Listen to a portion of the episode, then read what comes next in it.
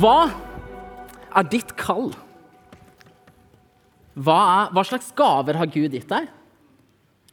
Hvilken vei er du på? Hva er egentlig et kall?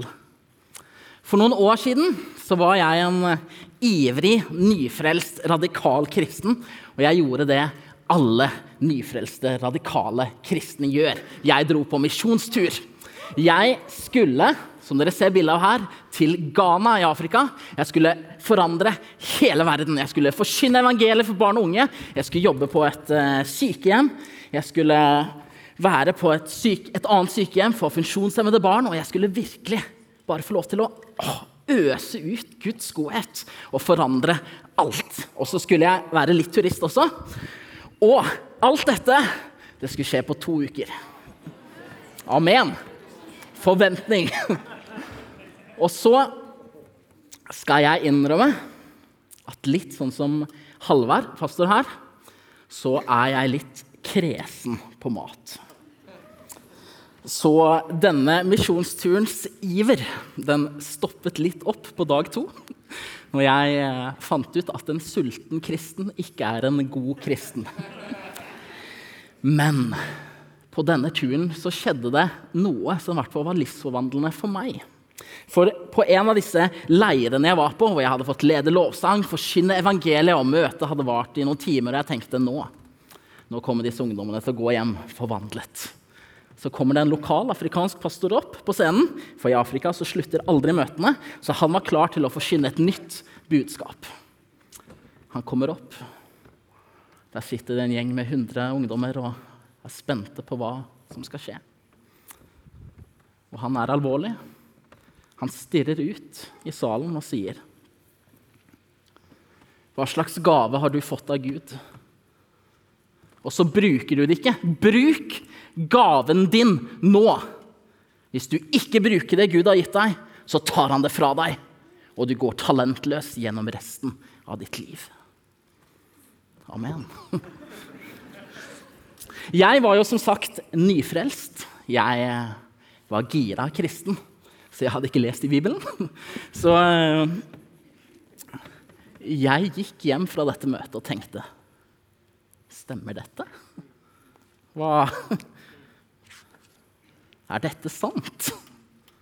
Og så skapte denne litt rare opplevelsen for meg Det skapte en lengsel etter å finne ut hva som står i denne boka. Og finne ut det som jeg hører, blir forkynt. Stemmer det overens med denne boka? Og hva sier Bibelen egentlig om gaver, talenter, kall? Vår vei som kristne? Vi er inne i en taleserie nå her i Filla som, hvor vi prøver å ta utgangspunkt i en hendelse i apostlenes gjerninger. Hvor disiplene Peter og Johannes de er på vei til ettermiddagsbønn. På vei så møter de en lam mann som tigger. Og spørsmålet kommer har du en krone å avse? Har du, har du noe å gi? Og så svarer Peter, sølv eller gull har jeg ikke, men det jeg har, vil jeg gi deg. Den lamme mannen blir helbredet. Han får et møte med Guds kraft. Hvorfor? Jo, fordi Peter vet at han har noe å gi. Han har mottatt noe som han kan få lov til å gi videre. Og I denne serien prøver vi å se på hva nettopp denne setningen 'Det jeg har, vil jeg gi deg'. Hva, hva har kristen tro å gi? Hva har vi kristne å gi til verden rundt oss? Og I dag så skal vi dykke ned i dette litt diffuse ordet som virket eh, og som fanget min interesse i Ghana, nemlig forvaltning. Det er mange innganger til en overskrift som forvaltning. Det er forvaltning av penger og verdier, forvaltning av skaperverket, naturen. Hva sier kristen etikk om naturkatastrofer og en grønn bevegelse? Men jeg har ikke lyst til å gå til disse store kampsakene. Andreas Egertun, en av våre pastorer, talte fantastisk om hva den kristne fortellingen har å si for våre liv sist uke. Var du ikke her, gå hjem og hør på podkast. Men det jeg har lyst til å gjøre nå, det er å se på dette ordet forvaltning, som vi ofte gjør veldig stort. Men jeg har lyst til å se på det på en nær måte. Fordi jeg tror at kristen tro handler om å forvalte noe personlig og noe inderlig. Så jeg har lyst til å stille oss spørsmål i dag, som jeg håper du kan virkelig stille deg selv. Hva har jeg å gi? Og hva har Gud gitt meg? Hva har du å gi? Og hva har Gud gitt deg? Ok, For å angripe dette så skal vi se nærmere på hva det kristne kallet er. Bibelen snakker om det doble oppdraget som er gitt til oss mennesker. Det ene finner vi i misjonsbefalingen i Matteus. Jesus sier, 'Jeg har fått all makt i himmelen og på jorden.' 'Gå derfor og gjør alle folkeslag til disipler.' 'Døp dem i Faderens og Sønnens og Den hellige ånds navn,' 'og lær dem å holde alt det jeg har befalt dere.' Og del to, forvalteroppdraget, som vi finner i første Mosebok. Altså, vær fruktbare og bli mange, fyll jorden og legg den under dere, og dere skal råde over fisken i havet, over fuglene under himmelen over alle dyr som det kryr av på jorden. Og Setter du disse oppdragene sammen, så får du dette flashige her. Å forvalte Guds skaperverk, forsyne evangeliet og trene disipler. Der har du et kristent oppdrag. Amen. Men du, dette er ganske stort. Hva har det å si for ditt og mitt liv? Jo, for å svare på det så har jeg lyst til å starte med å fjerne et skille som jeg tror vi har laget litt kunstig i den tiden vi lever i. Og det er skillet mellom det å være kristen og det å være en disippel eller etterfølger av Jesus. Fordi disippel det er ikke et sånt særegent kristent uttrykk. Jødiske og greske rabbinere og lærere hadde disipler. Typ liksom yrkesfag, mennesker som fulgte etter en mester for å se, lære og gjøre, sånn at de en dag der framme kunne gjøre den samme oppgaven på samme nivå som sin mester. Så Jesus sine disipler de var altså disipler fordi de fulgte etter mesteren Jesus selv. I apostlenes gjerninger så leser vi dette. Det var i Antiokia disiplene for første gang ble kalt kristne. De var altså disipler før de ble kalt kristne. Og jeg vet ikke med deg, men jeg opplever av og til nå at historien rundt oss er det stikk motsatte. Du har tatt, opp, tatt imot Jesus. Så flott. Men har du startet å fornekte deg selv? Det er bra du tror, men, men har du begynt å gjøre dette? Dere, kristenlivet, disippellivet, det er at vi alle er på en vandring mens vi lærer av mesteren. Noen har kommet langt, noen har akkurat begynt, og noen er midt på den veien. Men det viktige det er at vi går, og at livet vårt har en retning mot Jesus. Og så tror vi at vi har en Gud som er så nådig at han kommer oss i møte og møter oss der vi er. Men det er ikke noe skille mellom det å tro og være på den retningen mot Jesus. Men da kommer det et nytt spørsmål til meg. Hvordan ser disippellivet ut? Og For å svare på det så skal vi lese en litt lang tekst fra romerbrevet sammen, hvor Paulus prøver å sette ord på nettopp hvordan et disippelliv ser ut. Hvis du har Bibelen, så kan du slå opp i Romerne 12. Det kommer også på skjermen. Romerne 12, 4-17. Vi har én kropp, men mange lemmer. Alle med ulike oppgaver. På samme måte er vi alle én kropp i Kristus, men hver for oss er vi hverandres lemmer. Vi har forskjellige nådegaver, alt etter den nåde Gud har gitt oss. Den som har profetisk gave, skal bruke den i samsvar med troen. Den som har en tjeneste, skal ta seg av sin tjeneste, og den som er lærer, skal undervise. Og den som trøster, skal virkelig trøste. Den som gir av sitt eget, skal gjøre det uten baktanker, og den som er satt til å lede, skal gjøre det med iver. Den som viser barmhjertighet, skal gjøre det med glede. La kjærligheten være oppriktig. Avsky det onde, hold dere til det gode.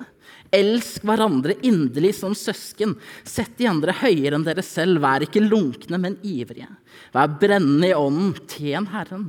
Vær glade i håpet, tålmodig i motgangen, utholdende i bønnene. Vær med og hjelp de hellige som legger, lider nød, og legg vind på gjestfrihet. Velsign den som forfølger dere, velsign og forbann ikke. Gled dere med de glade, og gråt med den som gråter. Hold sammen i enighet. Gjør dere ikke for høye tanker, men hold dere gjerne til det lave. Og vær ikke selvkloke. Gjengjeld ikke ondt med ondt. Ha tanke for det som er godt for alle mennesker. Dette det er en smørbrødliste av kristne idealer. Og jeg vet ikke om du tenkte på det når jeg leste nå, men første halvdel så snakker Paulus om nådegaver Gud har gitt oss. Én spesifikk gave til hver enkelt. Noen har profetisk gave, noen har lærere, noen har denne, noen har denne oppgaven. Og teksten er tydelig på at vi alle har forskjellige gaver med ulike oppgaver, og som utfyller hverandre. Men halvveis, fra vers 9, så endrer språket seg. For Paulus snakker ikke lenger om den som har dette, og den som har dette. Men den personlige vinklingen er byttet ut med et mye bredere blikk. La kjærligheten være oppriktig, avsky det onde, og hold dere til det gode. Elsk hverandre. Det er som om Paulus prøver å få fram to forskjellige ting. Noe som er gitt til hver enkelt av oss som kristne, og noe som er gitt til alle. Et felles oppdrag, et felles kall. Og Det er dette jeg har lyst til å dykke inn i nå de neste minuttene. Det spesifikke kallet gitt til deg personlig, og det generelle, vårt felles kall, gitt til alle kristne. Så i det store bildet så får vi altså et felles kall ut fra det doble oppdraget. Det jeg startet med å lese, misjonsbefalingen og forvalteroppdraget. Altså forvalte jorden, forsyne evangeliet, disippelgjøre mennesker og være Guds representanter her på jorden. Og Skal jeg oppsummere det vi leste av Paulus, så er det altså at vi elsker hverandre og holder oss til det gode. At vi er ivrige etter å søke Gud og med åndens kraft tjener Han. Og at vi hjelper vår neste og de som lider nød. Og hør nå. Disse tre punktene de er ikke, ikke forbeholdt ivrige 19-åringer de som velger å gå på DTS på Hawaii. Ikke noen få, men oss. Vi kristne. Det er et radikalt kall som vi alle er kalt til å følge.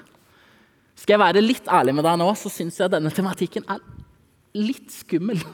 Fordi her skal jeg prøve å balansere mellom deg som hører kall som noe lovisk, noe som legger et press på deg. Eller kanskje du som når du var yngre, har fått en profeti eller fått et kall, en retning for livet, og så har ikke livet helt gått der du trodde. Samtidig så er det ganske mange her som savner utfordringen, det radikale, som, som, står i denne boka, som utfordrer livene våre, og som Paulus løfter opp i akkurat den teksten vi leste. Så jeg håper at du kan se nådetemaet de neste minuttene, for jeg jeg klarer ikke legge fra meg alvoret i det som står i Guds ord, Bibelen. Hør her. Eh, jeg har mange ganger erfart at jeg, jeg har kjent et kall eller en indre dragning mot noe. Og så har jeg tenkt Gud, det passer ikke nå.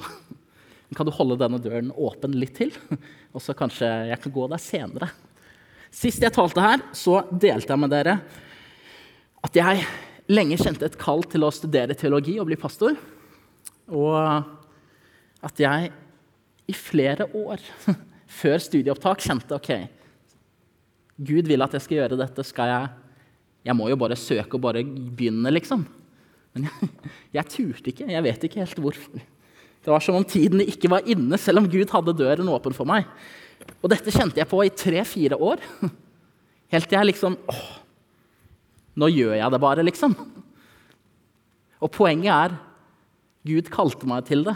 Første gang, andre gang, tredje gang, fjerde gang. Det var ikke sånn at han lukket en dør bare fordi jeg ikke valgte å gå inn.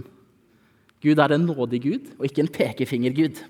Samtidig, og det, dette, dette tror jeg virkelig er litt viktig For det er en tekst spesielt i Lukas' evangelium som, som virkelig drar meg litt opp fra denne komfortable Oslo-stolen min. Se her. Mens de gikk der på veien, var det en som sa til ham, altså Jesus, 'Jeg vil følge deg hvor enn du går.' Jesus svarte, 'Revene har hi, og himmelens fugler har rede, og menneskesønnen, han har ikke noe å hvile hodet på.' Han sa til en annen, 'Følg meg.'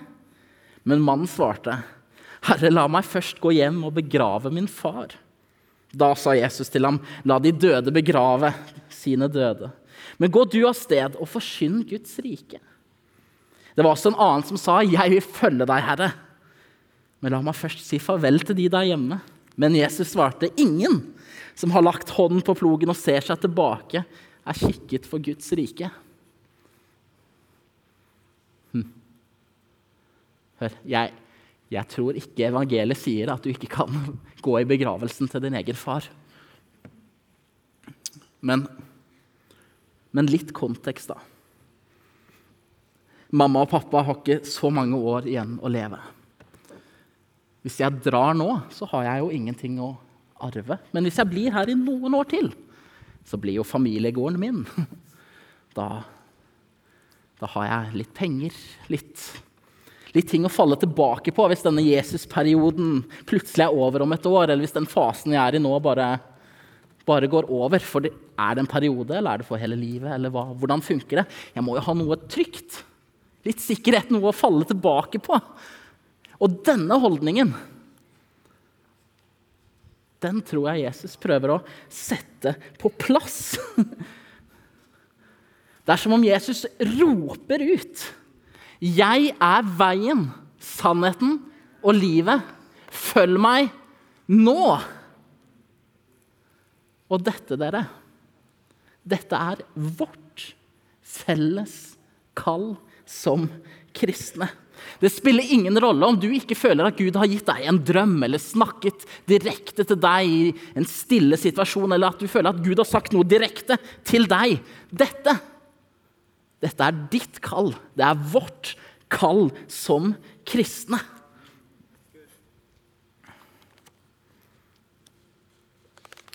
Så syns du det er vanskelig? Syns du kristendom og disippellivet er abstrakt? Hør. Følg Jesus, elsk dine medmennesker, tren disipler, og vær til stede der du er. Det trenger ikke være mer abstrakt enn det. Så til dette spesifikke kallet, det som gis til hver og en av oss. Vi er én kropp med mange lemmer, alle med ulike oppgaver. Det er noen gaver og talenter som Gud har lagt ned unikt i deg. Og Dette er ikke bare en idé som Paulus har i Bibelen, men la oss også lese en liten tekst fra Peters første brev. Tjen hverandre, hver og en med den nådegaven han har fått, som gode forvaltere av Guds mangfoldige nåde. Den som taler, skal se til at han taler Guds ord. Den som tjener, skal tjene med den styrke Gud gir. Slik skal Gud i ett og alt bli æret ved Jesus Kristus. Ham tilhører herligheten og makten i all evighet. Amen. Så fellesnevneren med disse spesifikke kallene er at de ærer Jesus i alt og ett. Disse spesifikke gavene de kan vi dele inn i to kategorier. Følg med meg litt nå. Det ene er dine medfødte gaver. Og det andre er eh, Jeg har ikke et godt teologisk ord, så jeg fant på et ord selv. Det er underveiskallet. Okay? Ikke så bra, men, men ta det medfødte kallet og gavene først. For å ta meg som eksempel. Jeg har alltid elsket musikk. Jeg har eh, De første bildene jeg har av meg selv som bitte liten unge, står jeg med en fiolin en veldig billig fiolin. Og min far som spiller gitar, og musikk har alltid vært en del av meg. Og så nådde det et punkt i min oppvekst hvor jeg eh, kjente at eh, dette med musikk det tar jeg mye fortere enn noe annet i livet. Og fortere enn mange andre rundt meg. Og jeg opplevde at dette er noe jeg kan. Og så er det bare ett problem her, fordi jeg er ikke oppvokst i en kristen familie. Jeg har ikke gått på kulturskole i kirke. Jeg har ikke trent meg opp i en lokal kirke. Så når jeg er 18 år og får min aller første bibel, og begynner i en kirke, så, så kommer spørsmålet er dette en nådegave. Er dette en gave fra Gud, eller er det bare, er det bare egen kraft?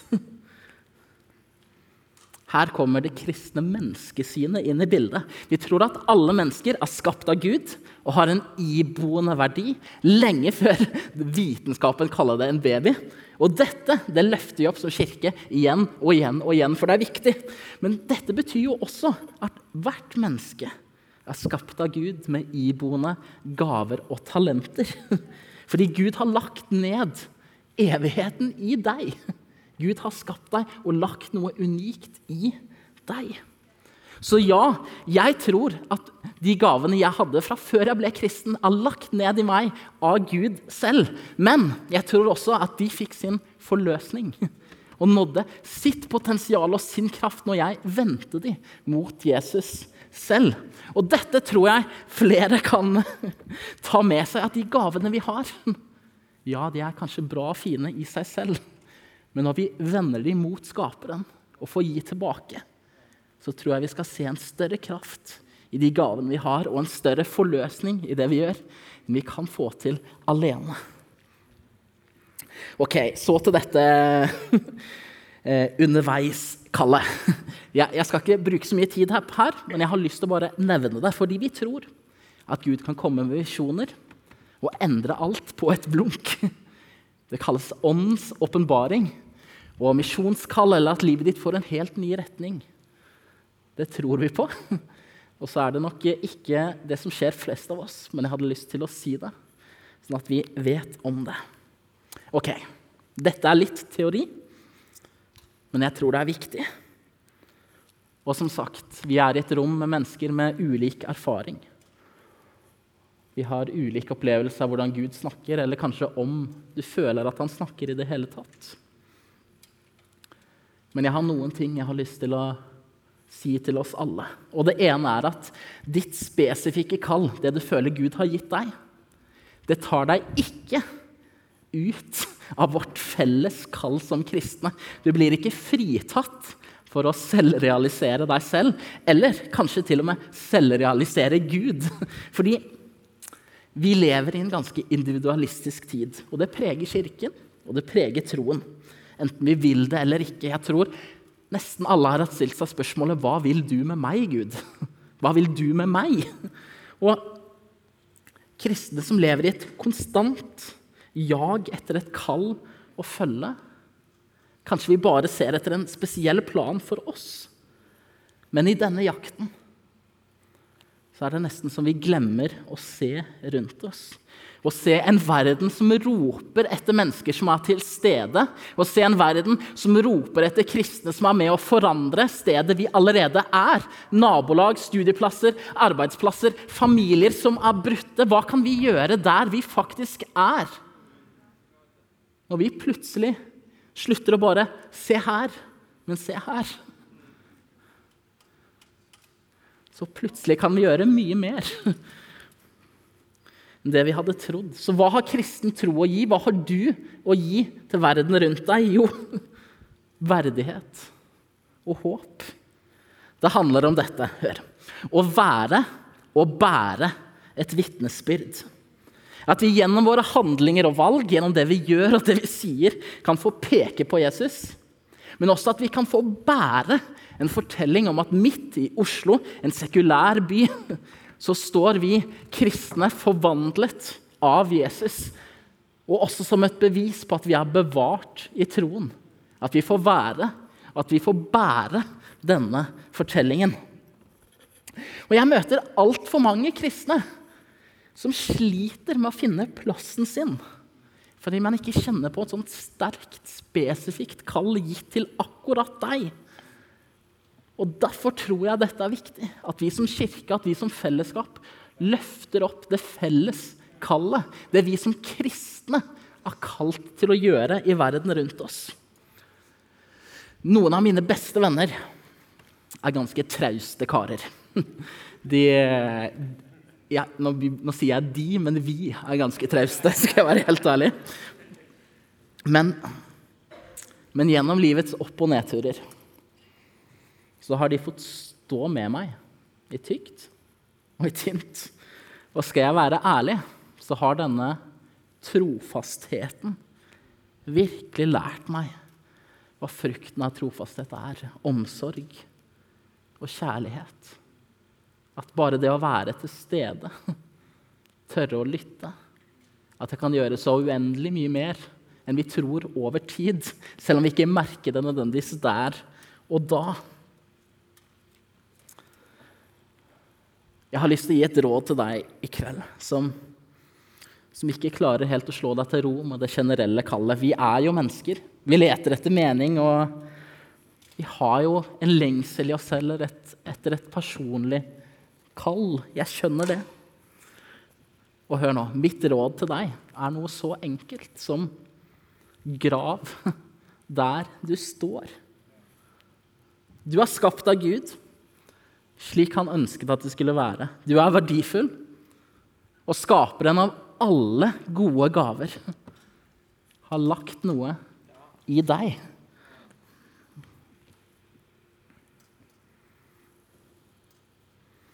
Kanskje har jakten etter det kallet som bare deler et hav, eller som kommer rett til deg i en drøm Kanskje jakten etter dette har gjort at du har søkt på feil sted. Grav der du står. Altså, Så enkelt som hva slags gaver har du, hvilke egenskaper har du, hva liker du å gjøre, og hva er du flink til? Og still deg spørsmålet hvordan kan du bruke det til å ære Gud? Hvordan kan du bruke det til å bety en forskjell for de rundt deg? Så praktisk som det. Og som svar på det spørsmålet, hvis du faktisk våger å stille deg det, så tror jeg kanskje at du kan finne ut at du allerede lever i Guds plan for ditt liv. At du lever ut det kristne kallet der du er akkurat nå. For ironien er at i jakten etter det ekstraordinære så glemmer vi ofte å se det som er rett foran oss Guds godhet. Og hvis ikke det er verdt å gi videre. Da vet jeg ikke hva er. Her ser dere et bilde av et av mine forbilder. Hun heter Mari. Hun eh, går til vanlig på Sentrum 17 i dag. Hun har vært en del av Filadelfia-kirken lenge, både i Ungfila, ungdomsarbeidet vårt, og på Møtepunkt, når vi hadde to gudstjenester her og på Majorstua. Og Mari var gudstjenesteleder, møteleder, på Ungfila. Hun var forkynner på Ungfylla. Hun hadde en synlig plattform og en takknemlig tjeneste. Altså, når man står på en scene foran mange mennesker, så kommer det folk og sier 'Så bra det du gjorde i dag'. 'Tusen takk for det du delte'. Det er en takknemlig tjeneste å ha. Og så følte Mari seg for gammel til å være på, på Ungfylla. Så hun koblet seg på kveldsgudstjenesten her og bare begynte å lede gudstjenester var en synlig tjeneste. Og så skjer det som skjer i verden. Det er covid. Kirken stenger. Og man får ha online-gudstjenester. Vi får forkynne evangeliet og ha et uh, slags digitalt fellesskap.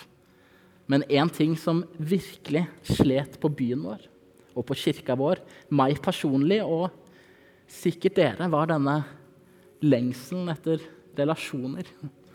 Lengselen etter medmennesker, lengselen etter fellesskap. Jeg kjente i hvert fall på den følelsen. Så når kirka kunne åpne igjen etter covid, og man kommer og virkelig lengter etter å få møte Gud, men, men møte andre mennesker igjen, så var vi i en situasjon på det som var møtepunkt, at medarbeidere de hadde flyttet, noen hadde sluttet. Noen syntes det var vanskelig å komme tilbake til kirka etter praksisen med å komme hver søndag var over. Og plutselig sto man der i en forsamling på x antall hundre mennesker, men, men ikke noe kaféteam.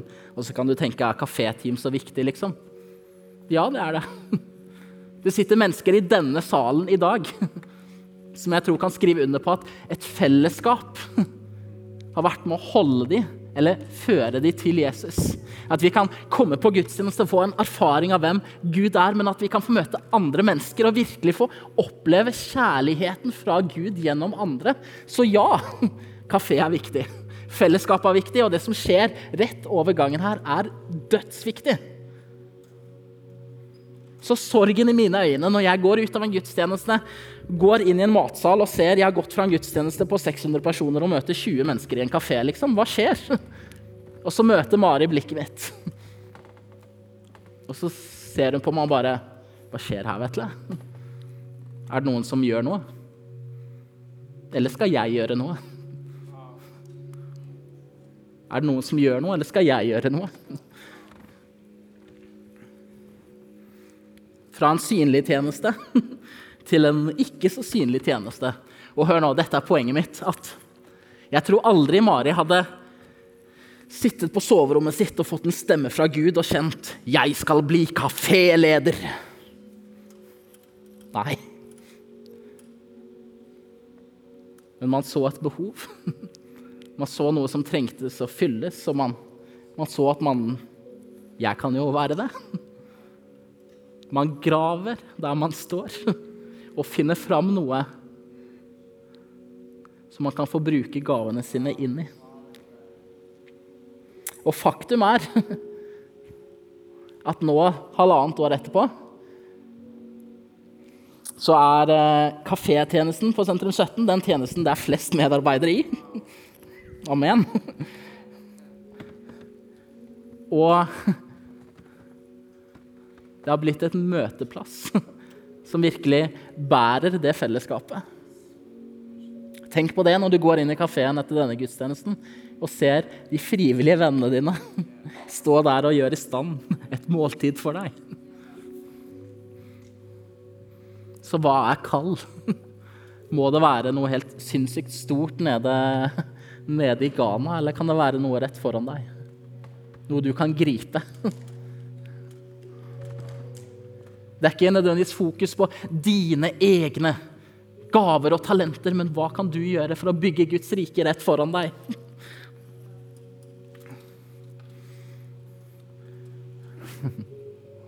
Skal jeg være helt ærlig, så hadde jeg tenkt å stoppe nå og gjøre en invitasjon.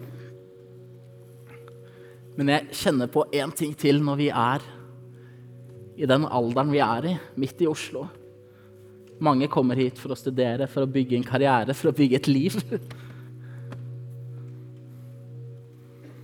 Og det er en fortelling i Bibelen til som, som virkelig ligger oppi hodet mitt når vi snakker om denne tematikken. I Matteus 4 kan vi lese om Jesus som, som får lov til å komme og bli døpt.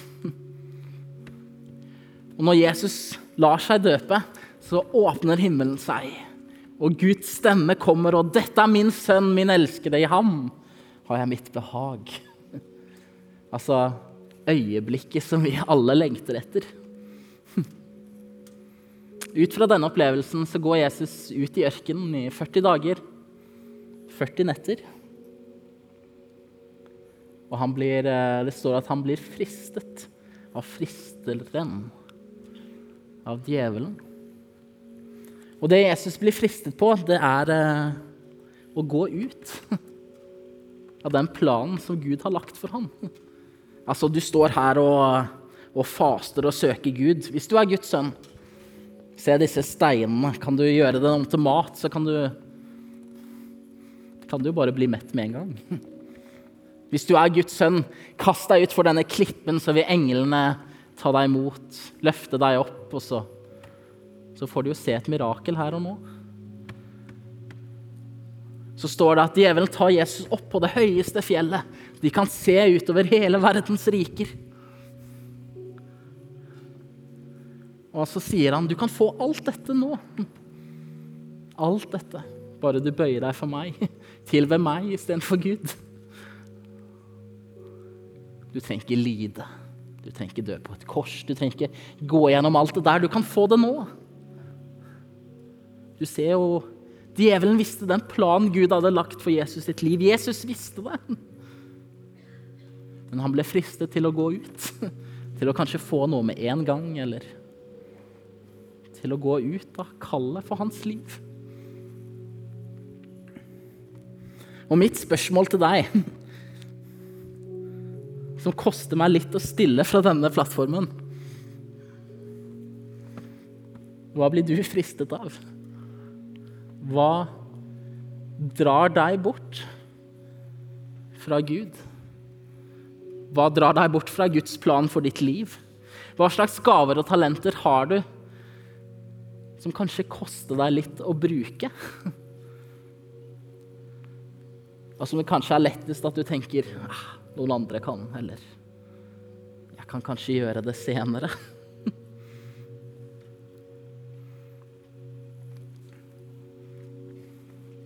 Eller kanskje, hør jeg, jeg tror at jeg har gitt noen musikalske gaver av Gud i musikk. Og derfor er det en forlengelse av mine gaver at jeg får lov til å tjene her i kirka. Betyr det at det er feil å være musiker utenfor kirka? Nei. Punktum. Ferdig. Det er det ikke. Det er fantastisk å være kristen i alle samfunnslag, jobber og organisasjoner og være til stede i den verden vi lever. Men det betyr jo ikke at jeg ikke kan gjøre begge deler. Så inn i fellesskapet og sendes ut. Så inn i fellesskapet og sendes ut. Der har du rytmen i et kristent liv. Og du som tenker nå, jeg er ikke musiker, så det gjelder ikke meg. Kontekstualiser. Jeg tror faktisk du klarer det. Så la meg stille deg spørsmålet like utfordrende. Hva har du å gi? Hva slags gaver og talenter bor i deg? Hvordan kan du bruke det som er i dine hender, til å gi det videre? Ikke bare innad i kirken, men ut der du er sendt. Ut der du lever og er til. Hele tiden. I balansen mellom ditt spesifikke kall og det felles oppdraget. Og så hør litt selvrealisering. Det skaper push og drive. Men for mye skaper egosentrisme.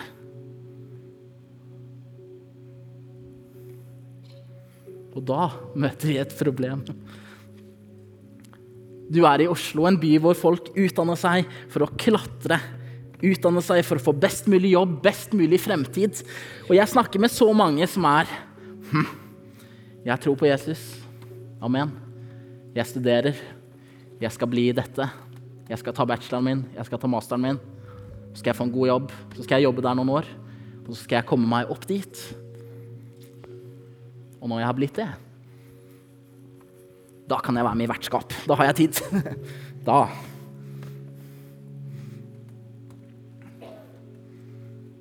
Eller utenfor kirken. Hvis jeg bare kommer meg dit, så kan jeg være frivillig på evangeliesenteret. Eller hvis jeg bare kommer dit, da, da skal jeg starte en bønnegruppe på jobb. Eller når jeg først har blitt sjef, da kan jeg si til de andre på jobb at jeg er kristen. Eller jeg vet ikke hvordan det ser ut for deg i ditt liv. Men jeg har lyst til å stille deg spørsmålet. Hvordan bruker du dine gaver? Hvordan forvalter du det Gud har gitt deg? Ikke hør meg strengt.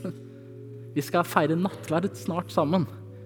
I nattverden feirer vi det Jesus har gjort for oss, som vi får motta ufortjent. Det handler ikke om prestasjon. Det handler om å forvalte og bruke det Gud har har gitt oss. OK?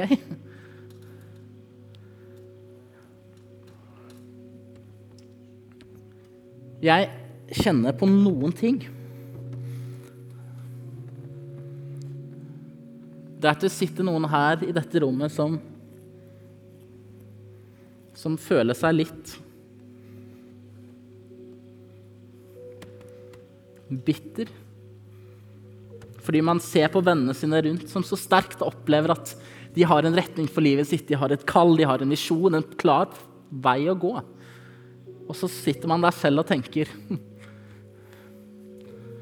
Hva har jeg? Hvor skal jeg? Hvordan kan Gud bruke meg?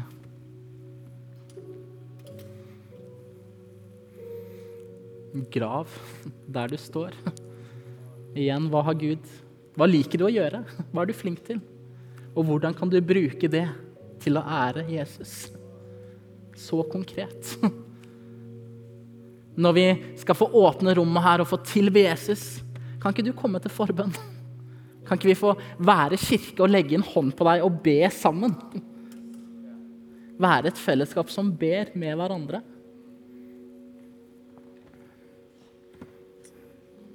Så tror jeg også uavhengig av hvor gamle vi er. At det er noen her som har opplevd å være på festival. Opplevd å være gira, opplevd å få en profeti, opplevd å få et kall, en plan for livet. Og så går det en uke, eller det går et år, og så har kursen endret seg. Og så sitter man og er bitter på Gud. Jeg sa jo ja, hvorfor? Hvorfor skjer det ikke?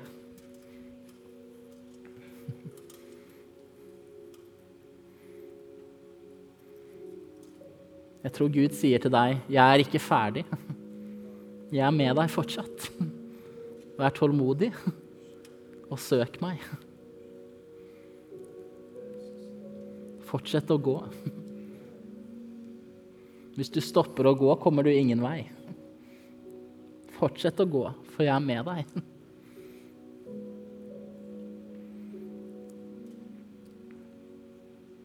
Jeg har ikke lyst til at dette skal være et budskap som, som du hører.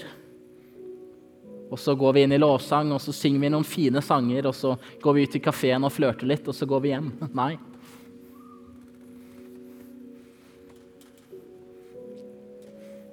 Jeg har lyst til at vi kan Dette er så konkret. Hvilke gaver har du? Hvordan kan du bruke meg, Gud? Så før vi skal feire nattverd, før vi skal lovsynge og tilbe Jesus, før vi skal få søke ham, gå til forbønn, tenne lys og skrive bønnelapper og feire nattverd, så skal vi få gjøre noe jeg holdt på å si ubehagelig inderlig. Hans Erling skal fortsette å spille piano. Så skal du få sitte der du sitter. Uten noe fancy opplegg. Og så skal du få lov å sitte der og søke Gud i den stillheten. Med det enkle spørsmålet Hvordan kan jeg bruke det du har gitt meg, Gud? Hva har jeg, og hva kan jeg bruke? Gode, hellige ånd, takk for at du er her. Takk for at det er i deg vi lever, beveger oss og er til. Takk for alt du har lagt ned i hver enkelt av oss. Vi ber om styrke og visdom til å gå på det du gir, til å høre din stemme. Kom og blås din mektige vind her i kveld, Jesus. Du har nå hørt en podkast fra Filadelfia-kirken i Oslo. Vil du vite mer om oss, gå inn på filadelfia.no. Og ikke minst velkommen til å feire gudstjenester med oss hver eneste søndag, enten fysisk eller online.